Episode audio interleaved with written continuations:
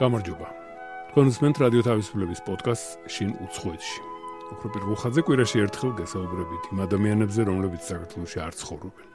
უცხო ქვეყანაში არიან წასული სხვადასხვა მიზეზით და რომლებიც ჩემთან ერთად გიამბობენ საკუთარ თავზე, საკუთარ საქმესა და იმაზე თუ რა აწუხებთ და რა უხარიათ.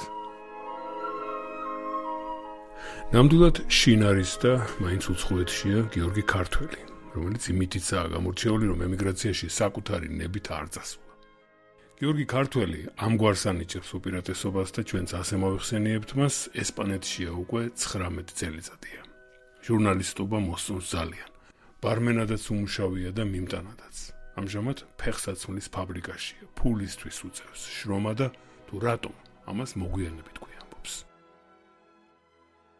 მე მაგალითად 12 წლის შევედი სკოლაში, მე 6 კლასში ვიყავი რომ წამეყვანეს აქ და ნუ სკოლაში შევედი პირველი ჩემი პირველი სკოლაში ყვედი, სად იყო ეგ სკოლა? აა, ჩემ ქალაქში სადაც მე ვცხოვრობ, არნდოში, ვირხენდე, ვირხენდე ვიკო ქვი, ასეთ სახელობის სკოლა. აა, სადაც ნუ ჩამოსვლის და ჩამ წელიწადი არ დამიგარბავს. პირდაპირ შევედი სკოლაში ერთ სიტყვით, შევედი და ნუ აღმოჩნდი წინაშე იმისა, რომ არ ვიცოდი ენა, ვიყავი კლასში, სადაც მასწავლებელი ხსნიდა გაკვეთილს, ვერ გებულობდი, იმიტომ რომ მე არ ვიცოდი, ყავდა თანაკლასელები, რომელსაც ვერ უგებდი საერთოდ ვერანაირად და ნუ ცოტა ამ ყველაფერმა შეიძლება ითქვას, რომ დამძაფრა, ვერ ვერავუღი ალღო, ვერ ვერ მივყევი ისე როგორც საჭირო იყო და აი ჩემი სიტუაციიდან გამომდინარე ვფიქრობ რომ ბევრ ბავშვს ემართება ეს და ეს პირველი 2 წელი სჭირდება ზუსტად აი ამ ენის შესწავლას. ის ესაფუძვლიანად რომ მაგალითად შემდეგ გააგრძელოს სწავლა და აუღო ალღო. მე რომ ჩამოვედი სხვა პერიოდი იყო, მაშინ ამდენი ქართველი არ იყო, ამდენი ციხლა არის, იმის მერე რომ მომრავლდნენ, მაგრამ მაშინ მაშინ უკვე ცდილობდნენ რომ რაღაც ვინც უცხოელები ვიყავით, ცალკე დაინიშნათ გაკვეთილები ჩვენთვის გამოეყოთ 1 საათი, 2 საათი დღეში და სწავლებინათ ენა. მაგრამ არ იყო საკმარისი ის 2 საათი. ანუ ენის სწავლა უფრო მოხდა უშუალოდ ბავშვებთან კონტაქტში, უშუალოდ მასწავლებელთან კონტაქტში, დღითი დღე, კვირა-კვირა, ანუ უკვე იძულებული ხარ რომ მისწავლო სიტუაციაში რომ ხვდები ისეთში რომ სხვა გზა არ გაქვს, იძულებული ხარ რომ მისწავლო და ნუ ეს ეტაპობრივად უფრო კონტაქტით ვიდრე ციგნით მოხდა ენის სწავლა. ალბათ შეამჩნევთ, გარკვეული ტკივილით იხსენებს, როგორ არაფერი ესმოდა სკოლაში. მართალია, დასვეს შესაბამის კლასში წელი არ დაუკარგავს, იმავე საგნებს გადიოდნენ და იმავე დონეზე. ენას საგანგებოდ არ ასწავლიდნენ. თანაკლასელებსა და მასწავლებლებთან ურთიერთობით ისწავლა ესპანური ნელ-ნელა.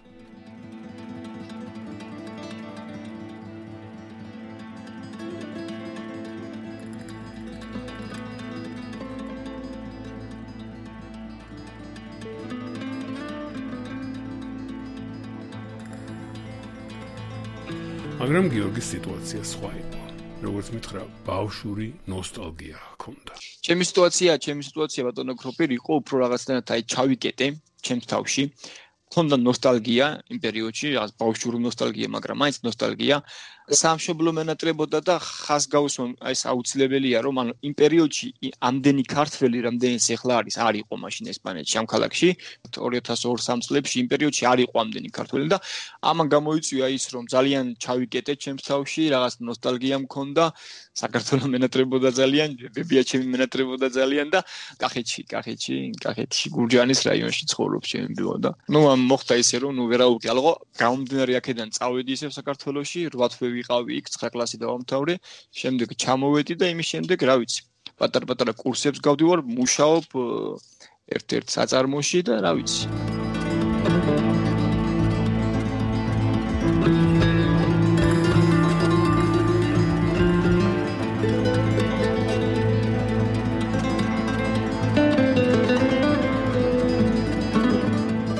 პირველად, ეხ ბავშვურად, მაგრამ პირველად ვიტირე მადრიდში რომ ჩამომეყვანთ ეჭმა 12 წლის ვიყავი და რაღაც ბავშვურად ბავშვური ნოსტალგიით იყო ეს რაღაც აი როდის დავბრუნდები ნეტა? როდის ჩავალ ნეტა? იყო ეს მომენტები. კი მქონია მე ნოსტალგიის გამო ვიტირია კიდე რა არა. ბევრი ქართული ფილმის გამო ვიტირია რაღაც ფესვების გამო ვიტირია რაღაც ის მიგრძვნია მაგრამ აი კონკრეტულად რაღაც ის ისე რომ გავემწარებინე რომ აი მინდა ეხლა და ინტეგრატომ არ ვარ ამ შემთხვევაში ასეთი შემთხვევა არ ყოფილა კონკრეტული. დედა რას ამბობს? დედა როგორი კმაყოფილია იმით რანაბიჯის გადადგა. თქვენ და თქვენ რომ წაგიყვანათ და უცხოეთში ასე ვთქვათ აი თავისუფალ სამყაროში მიგიშო. დედა დედა როგორც ის სიტუაცია არის იცით დედა ჩემი იყო ჩემთვის დედაც და მამაც იმიტომ რომ გაშორებულები არიან დედა ჩემი მარტო მარტო ხელა წამოვიდა ესპანეთში. დედა ჩემი არის განათლებით ეკონომისტი. რუსთავში მუშაობდა მეტალურგიულ ქარხანაში მთავარი ბუღალტერი იყო და თქვენ წარმოიდგინეთ აი მთავარი ბუღალტერი ადამიანი განათლებული ნასწავლი და შემდეგ ჩამოვიდა. ესეთი ტრანსფორმაცია მოხდა. დაჯდა საკერაო მანქანაზე და 15 წელი საკერაო მანქანაზე იჯდა და კერავდა. კერავდა იმიტომ რომ მე ყოფილიყავი კარგად იმიტომ რომ დედამისი ყოფილიყო კარგად იმიტომ რომ ჩემი და ყოფილიყო კარგად და ასე შემდეგ. ამ დედაც ჩემი ესეთი სინანული თარაფს არ დანობს მებრძოლი ქალია და ძალიან მამაცი ქალია რომელმაც ჩვენ მე და ჩემი და დაგვაყენა გზაზე და ასე შემდეგ ბებო მომენატრაო. გრძნობა რომელიც ყველასათვის ნაცნობია. გიორგის ბებია კახეთშია ახლაც და მასაც ენატრება თავისი შვილი და შვილიშვილი. ბებო ჩემთვის არის ბებო ჩემთვის არის როგორც მეორე დედა ის იმდენ რომ დედა ჩემი რომ წამოვიდა ის რაღაც ორი წელიწადი ბებიასთან ვიყავ კახეთში. და ძალიან დიდი ამაგი აქვს ბებოშენზე და ძალიან ძალიან ვენატრები, ძალიან გვენატრება, ძალიან იყვარ, ძალიან აი ბევრი ვართ აქ მე, დედა ჩემი, ბიზა ჩემი, ჩემი და და ნუ ყოველთვის ვთილობთ ხოლმე, ნუ პანდემიამდე ყოველ შემთხვევაში რომ წლის მანძილზე ყოველთვის ყოფილიყო ერთი შვილი, ან ერთი შვილი შვილი, ან ესე ვენაცვლებოდით ერთმანეთს შეიძლება ითქვას რომ ყოფილიყავით ყოველთვის ერთი მაინც ამ ორი შვილი და ოთხ შვილი შვილთაგან. მაგრამ ნუ სამწუხაროდ ახლა ის ერთი წელია უკვე ვეღარ ვეღარ ვახერხებთ. კი, ვენატრიბი ძალიან ვენატრიბი და ძალიან მე ძალიან მეცოდება ხა ის უდნა თქომია, ძალიან ცოდები არიან ბებუები და ბაბუები, რომლებიც ესე მარტოები არიან დარჩენილები სამწუხაროდ საქართველოსში და ნუ აქეთ აქეთ ყავთ უცხოეთში ყავთ შვილი, შვილი, შვილი და ასე ასე ყველა ვინც ვინც წესით ამასაკში მასთან უნდა იყოს, მაგრამ წამოსვლა არ უნდა. წამოსვლა არ უნდა. არ უნდა და პრინციპში იმ პერიოდში. ყველა შეთავაზეთ და საშუალება გააქვთ რომ წამოიყვანო. არა, კი იყო მაგაზე საუბარი რომ წამოსულიყო ჩვენთან, მაგრამ ნუ არ უნდა. არ უნდა, არ უნდა და ეხლა ნუ ეხლა ამ სიტუაციაში პანდემიიდან გამომდინარე რა თქმა უნდა არ არ არსებობს ანუ გამორიცხულია, მაგრამ იყო რაღაც პერიოდი რომ გვინდა ჩამოგვიყვანა რომ არ ყოფილიყო მარტო იმის შემდეგ რაც ბაბუა გარ დაიცვალა. გვინდოდა რომ წამოსულიყო არ ყოფილიყო მარტო, მაგრამ ნუ არის სულვა. ის უკვე დაჩინილიყო საქართველოსში და ვეღარ გაუწიეთ წინააღმდეგობა შეიძლება ითქვას. გიორგი ესპანეთის განათლების სისტემის მიმართ მადლიერების გრძნობით არის ახსილი. მას შესაძლებლობა მიეცა ესწავლა რაც სულდა, რაც უყვარდა და რამაც შეიძლება მომავალში მეტი სარგებელი მოუტანოს თუ კინო და ვიდეო ხელოვნება თავისი პროფესიული საქმიანობის ნაწილი გახდა.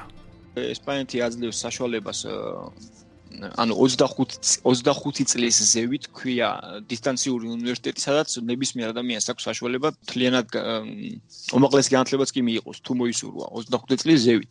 და ნუ ამ უმაღლესი განათლების გარდა არის კერძო კურსები, ამ შემთხვევაში მე მაგალითად მაინტერესებდა ვიდეო მონტაჟი, აუდიო მონტაჟი და ასე შემდეგ და ამ ხრივ წავედი და რაღაც რაღაც კურსები გავაკეთე ამასთან დაკავშირებით, ანუ ვიდეო, აუდიო მონტაჟთან და ასე შემდეგ. ამ სფეროში ეს სფერო რაც ხიბლავს და რაც ჩემთვის ჯერჯერობით ხობია და იმედი მაქვს მომავალში სამშაოც იქნება.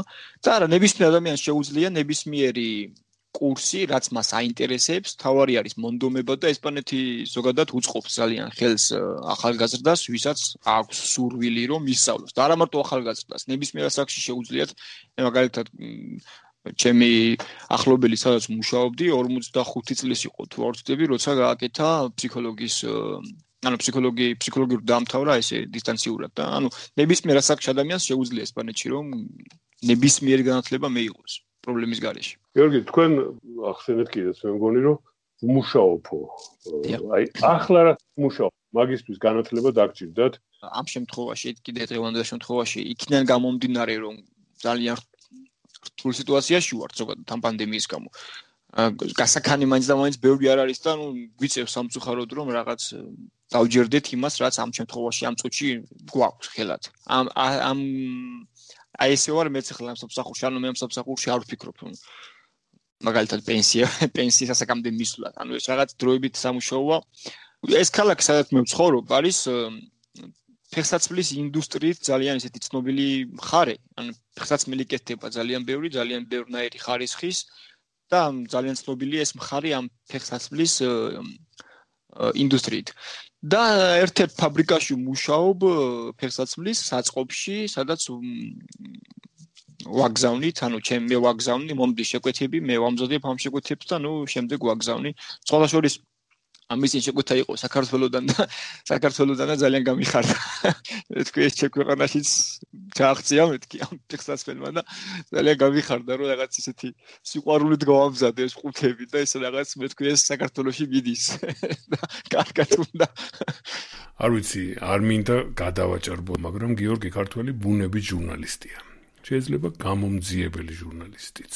ეს საქმე უყვარს და როგორც ითქვა, ქონდა მცდელობები თვითონ მარტოს ემუშავა და საკუთარი ფილმები დღეს ბლოგსაც უწოდებენ ხოლმე გაევრცელებინა. ეს ფილმი ქართულ რესტორანს ეხებოდა ესპანეთში. მოგესალმებით მეგობრებო, როგორ ხართ? მე ვარ გიორგი ქართველი. დღეს ვეწვევი კიდევ ერთ ქართულ რესტორანს, რომელიც მდებარეობს სალოუში. სალოუ არის კატალონიის ერთ-ერთი ტურისტული ქალაქი. აი ჩვენც მოვედით ლალი ამ რესტორნის დამაარსებელი და სულის ჩამდგმელი. გამარჯობათ ლალი, მოგესალმებით. უღრმესი მადლობა მასპინძლობისთვის.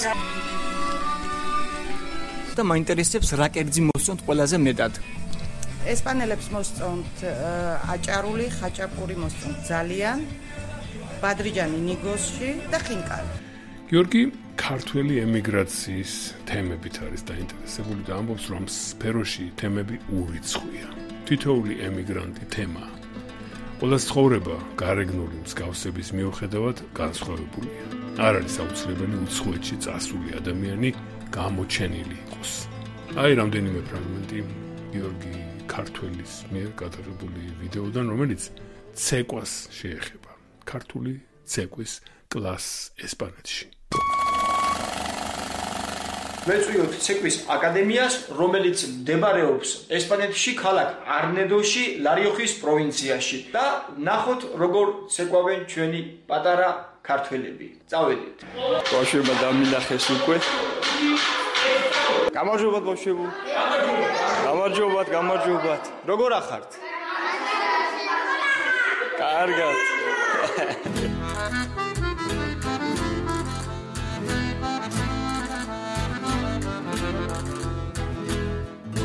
იქ მუშაობდი ეს სალოუში ან კატალონიის ერთ-ერთი ტურისტული ის არის ქალაქი, საკმაოდ ლამაზი კაი ადგილია. ხმელთაშუაზღვის ზონა, ზოგადად კატალონია, ვალენსია ეს აქეთან მხარე ესპანეთის ზევით ზევით უკვე ოკეანე ესაზღვრება. იქ მუშაობდი ადმინისტრატორად, სასტუმროში მუშაობდი, ასევე მუშაობდი ზოგადად ჩემ თელი ჩემი ცხოვრება, ანუ სანამ ამ სასწავლებლებში მოხვდებოდი, მუშაობდი ბევრ ადგილზე, ანუ ბარ ბარი ბარმენი ვარ, ბარ ბარში მუშაობდი ბევრ ადგილზე, კარგად ვიცი ეს სფერო და სხვადასხვის სხვადასხვის მიყვარს, კარგი კარგი სფეროა ჩემთვის, ძალიან ანუ უშუალოდ მე მიყვარს, როდესაც ადამიანებს ვიკონტაქტები, აი ძალიან მძაფრავს ადგილები, აი ფაბრიკების საწარმოები, სადაც არ მიწევს კონტაქტი ადამიანებთან.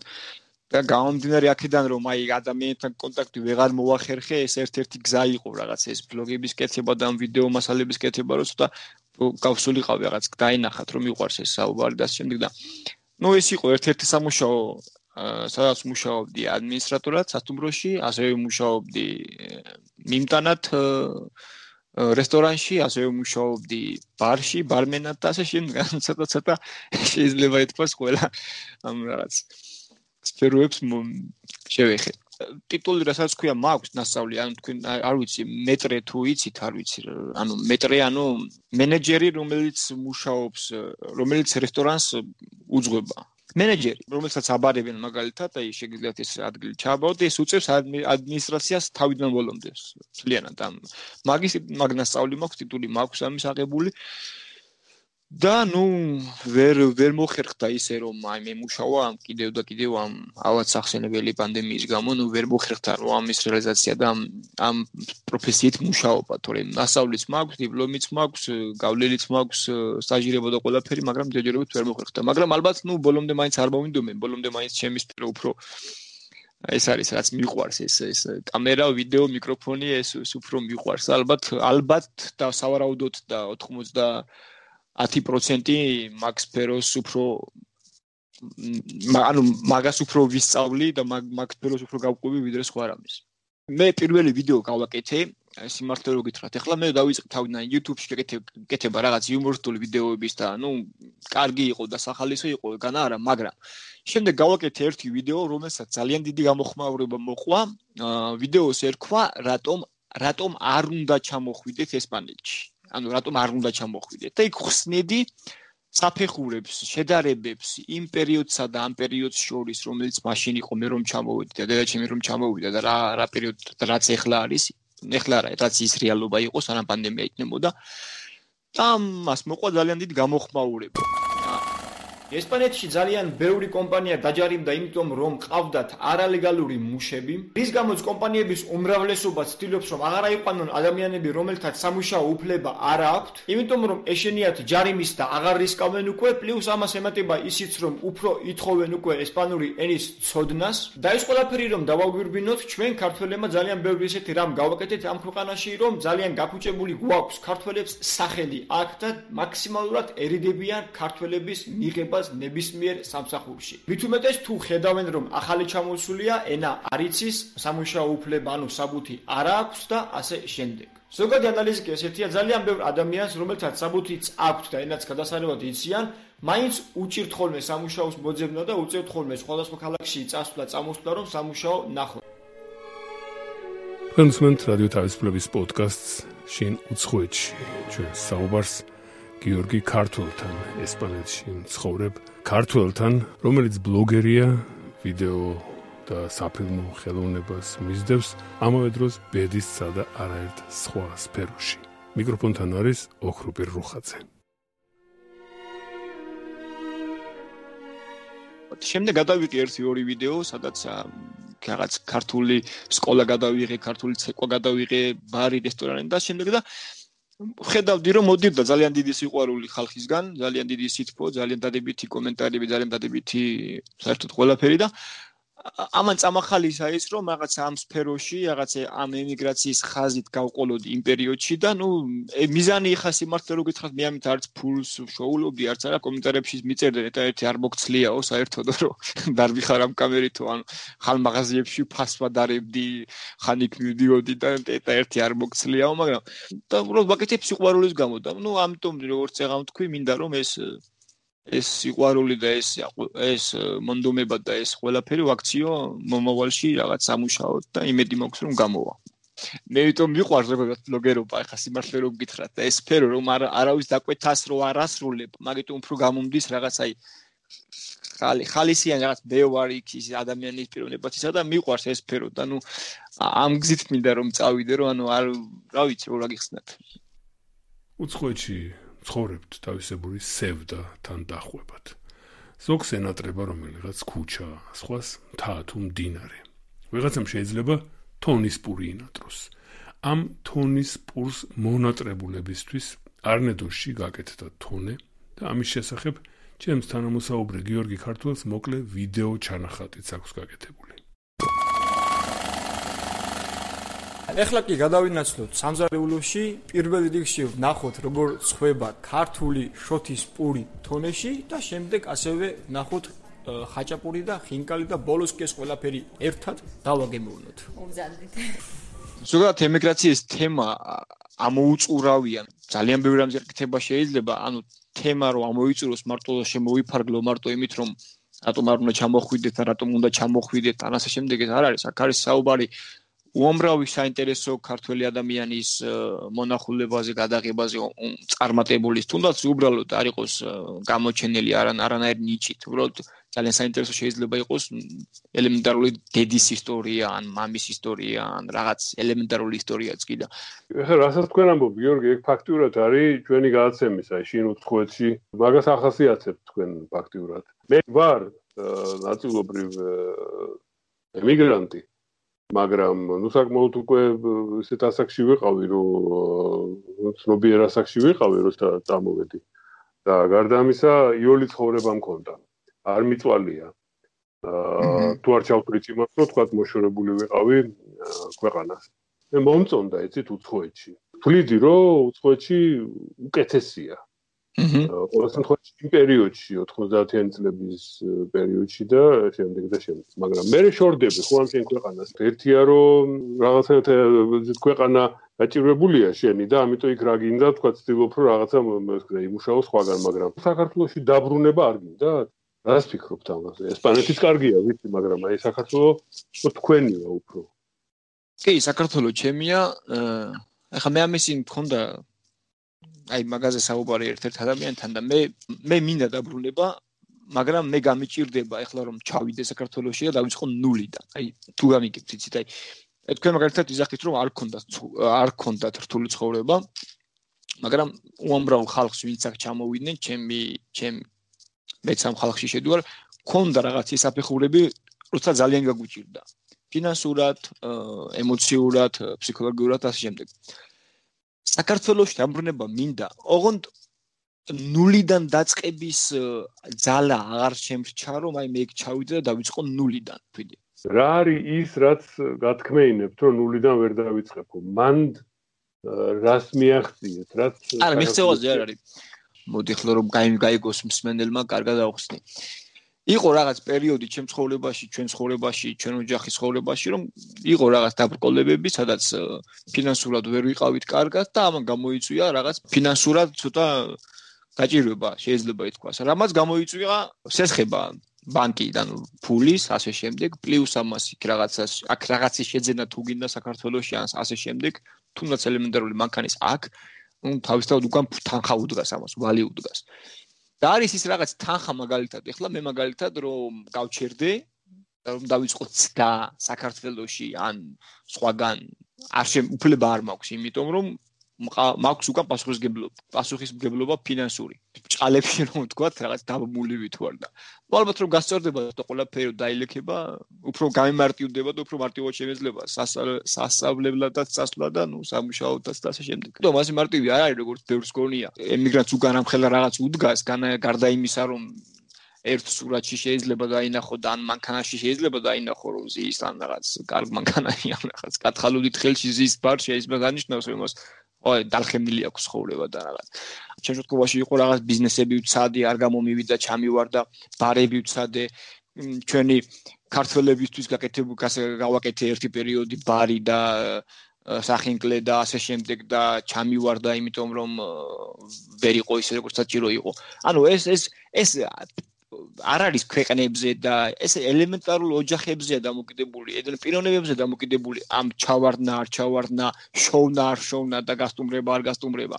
ანუ მე ამბოხი სული, მე როგორც მე ვარ მაგალითად, ანუ რატომ იძახე, აი, რომ ვერ ვჯერდები ერთ რამეს და მინდა რაღაცები ვცადო სულ. ყოველთვის უფრო პრობლემები პრობლემებში ბჭყალებში, ყოველთვის უფრო რაღაც რისკის ქვეშ იქნება ვიდრე მაგალითად ადამიანი რომელსაც აქვს მიზანი ჩამოვა და იტყვის. მე წავალ ვიმუშავებ. 8 წელი ამ 8 წელში ნაკლებს შევჭამ ნაკლებს ჩავიცმევ ნაკლებს დავლევ ნაკლებს ვიყიდი და დავაგროვებ თანხას დავბრუნდები არიან ასეთები სგან არ არიან. მაგრამ ნუ ძირითადი სფერო მაინც ეს ბანკის სისტემა გეხმარება რა თქმა უნდა თვითონაც ხეირობს და ჩვენს გვახეირებს რა თქმა უნდა. ნუ ესეა ნუ რაღაცას გააკეთებ, არ გამოგივა, ჩაგივარდება ვალი, ვალი, ვალს ვალიედება და ასე შემდეგ. გიორგი ქართულს, რომელსაც ცხოვრების უფრო მეტი ნაწილი უცხოეთში აქვს გატარებული, პირდაპირ ვკითხე. არის თუ არა ქართველი?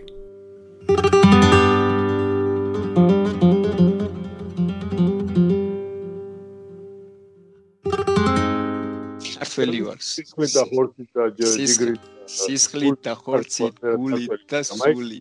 მაიცა, აი ამდენი ხანი რომ უცხოეთში ადამიანი ის ხო ცulis მას. არავითარ შემთხვევაში. მე ბატონო კრუპი ერთ რამე მინდა თქვა. მე ახლა არ მინდა თავი შევიქო, მე თავს არ ვიქებ. მაგრამ 18 წლის კი არა, უფრო გაცილებით ნაკლები წლის ჩამოსული ბავშვები არიან, იყვნენ და არიან, რომლებმაც საერთოდ აკარგეს. ანუ აღარ აღარ ლაპარაკობენ ქართულად, არ უნდათ ქართული, ეს კიდე ერთი ჩვენი დიდი ტრაგედიაა საქართველოსი, რომ ძალიან ბევრ ახალგაზრდას ვკარგავთ, ბავშვს ვკარგავთ. კარგავთ, მაგ მაგ ანუ ენის მხრივ მაგ საუბარი, რა თქმა უნდა, ენა რო იკარგება. და ეს ქართველი ჩემთვის, ქართველი და ქართული კინო, ქართული მუსიკა, ქართული პოეზია, ყველაფერი რაც ქართულია, ვისწავლი აქ, ესპანეთში. ანუ მე ესპანეთმა ყველაზე დიდი რაც მომცა, ჩემი ჩემი ყველაზე რაც ფიქრობ რომ მომცა არის ქართველობა ჩემთვის. მე ყოველთვის ქართველობდი ისე როგორც ნამდვილ ქართველს შეეფერება და ანუ ყოველთვის ეს სიამაყე მაქვს გულში. მე თავს თვლი 100%-იან ქართველას, მე მადლობას ვუხდი ესპანეთს იმისთვის რომ მომცა საშუალება, მომცა ძალიან ბევრი ისეთი რამ კარგი თვისება და მე ყოველთვის ვიძახი იმას თუ ავიღებთ, რაც აქვს კარგი ევროპას, ესპანეთს ამ შემთხვევაში და კარგ ქართულს და ერთმანეთს შევწყავთ, არაფერი ცუდი ამით არ არის, კარგი ნაზავი გამოდის. გიორგის პირადი ცხოვრებით დაინტერესება გავბედე და გვიანბო თავის მეგობარ ქალზე, სახელად ალბაზე, რომელიც ერთობ წარმატებულია ქართული რთული ფქერების გამოთქმაში. ჩემი შეყვარებული და მე გოგონა ვისთანაც ვისთან ერთადაც ვარ არის ესპანელი ძალიან ბევრი ვიდეო გაკეთებული სახუმარო ვიდეო მასთან ის ქართულ სიტყვებს ამეორებინებ ხოლმე ასე შემდეგ. გამარჯობა. გამარჯობა. ქართული გამარჯობა იცის. ბაყაყი წყალში ყიყინებს. ბაღაღი წყალში? ნო ბაღაღი წყალში ყიყინებს ალბა ქვია, ალბა სალსედო, რომელიც საქართველოსში მყავდა ჩამოყვანილი 3 წლის წინ, სადღაც ძალიან მოეწონა საქართველო, კახეთში ვიყავით, კაი ჭაჭას დავალევინე საღამოს. ხო, ამის ფამდე ანუ არ აქვს. ნუ თავისთავად ეხლა ერთ რამეს კი გეტყვით, ბატონო გროპირო. აა ძალიან ბევრი თვისება აქვს ამ ადამიანს, რომელიც ახლოს არის ჩვენ ხასიათთან. მიხვდით, ანუ აქვს ის რაღაც ხასიათები და ის თვისებები, რომელიც ჩვენთან ქართული საქართველოსთან და ქართულთან ახლოს არის და აქედან გამომდინარე ერთმანეთს მოვერგეთ შეიძლება ითქვას. ბავშვებს და ენის სწავლას ეხება საკვირაო სკოლის შესახებ ვიდეოც, რომელიც გიორგის გადაუღია არნედოში, თავის ასე ვთქვათ მშობლიურ ქალაქში. ერთი-ორი აუდიო ფრაგმენტი მოისმინეთ ამ ფილმიდან. დღეს გადავწყვიტე რომ ვესტუმრო ქართულ საკვირაო სკოლას, სადაც ჩვენი პატარა ქართველი ემიგრანტები სწავლობენ ქართულს. რავს და რა ყავს თათას და სოსოს. რა აქვს და რა ყავს თათას და სოსოს. ეხლა რა უნდა გითხოთ, როგორ ნამდვილი პასუხი გამეცით? ერთმანეთში თქვენ ბავშვები რა ენაზე ლაპარაკობთ გარეთ ქუჩაში? აქ ვიცი რომ ქართულად, მაგრამ ოდნა უფრო მეტი რომ მოინდომოს შობელმა წესით არ უნდა დაკარგოს ენა. ეს ბავშვები დაკარგულები არ არიან, რა თქმა უნდა, ქართველები არიან. მე ჩემი დიშვილი მიყავს დაბადებული აქ ესპანეთში, ეხლა ანდულაში ცხოვრობს. ჩემო დიშვილმა იცის ესპანური, იცის ფრანგული, იცის კატალონიური და იცის ქართული, არა ის როგორც საჭიროა. რა თქმა უნდა, ის აქ დაბადებული ბავშვი ვერ გაგესაუბრება გამართული მეც არ ვიცი გამართულად ქართული და ბოდიშ ვიხდი ამისთვის, რომ კონდე შეიძლება რაღაც ხარვეზი. მეც რაღაც შემეწყო შეიძლება აქცენტს. მაგრამ დაკარგული როგორც ქართველები არ არიან. მაგრამ აი ენას რომ კარგავენ, იმათ უკვე მე მომავალში საქართველოსთვის აღარ არიან. შეიძლება აქ იქართველონ, აქ აქ ასახელდონ ამ ბავშვებმა მომავალში ქართული დროშა აწიონ, ქართული სპორტში, სპორტში, რაღაც ფიზიკაში, ქიმიკაში, რაღაცებში ასახელონ საქართველოს, განა არა, შეიძლება. მაგრამ საქართველოსთვის უკვე აღარ არიან ეს ბავშვები, ჩემი აზრით, ჩემი გამოსახედით. უფრო არიან უკვე ამ ქვეყნისთვის და აქაური სიტუაციისთვის შექმნილები, ამ მათ შორის ჩემი დიშვილიც. ჩემი დიშვილი მე არ ამგონია რომ ოდესმე საქართველოსში დაბრუნდეს და იცხოვროს. ანუ საქართველოსთვის დაკარგულია. რადიო თავისუფლების პოდკასტი შინ უცხოეთში გიორგი ქართველი დედამ წაიყვანა ესპანეთში, როცა ბავშვი იყო. ბებიაც ენატრება და ესპანეთიც უყვარს. ვიდეო ჟურნალისტობას მისდევს. იზიდავს და აინტერესებს ეს საქმე. ოქროპირ რუხაძე გემშვიდობებით ჩვენი პოდკასტის ყველა ეპიზოდის მოსმენა შეგიძლიათ თქვენთვის ცნობილ საიტებზე, ისევე როგორც რადიო თავისუფლების ვებგვერდზე, რადიო თავისუფლება.ge. ნახვამდის.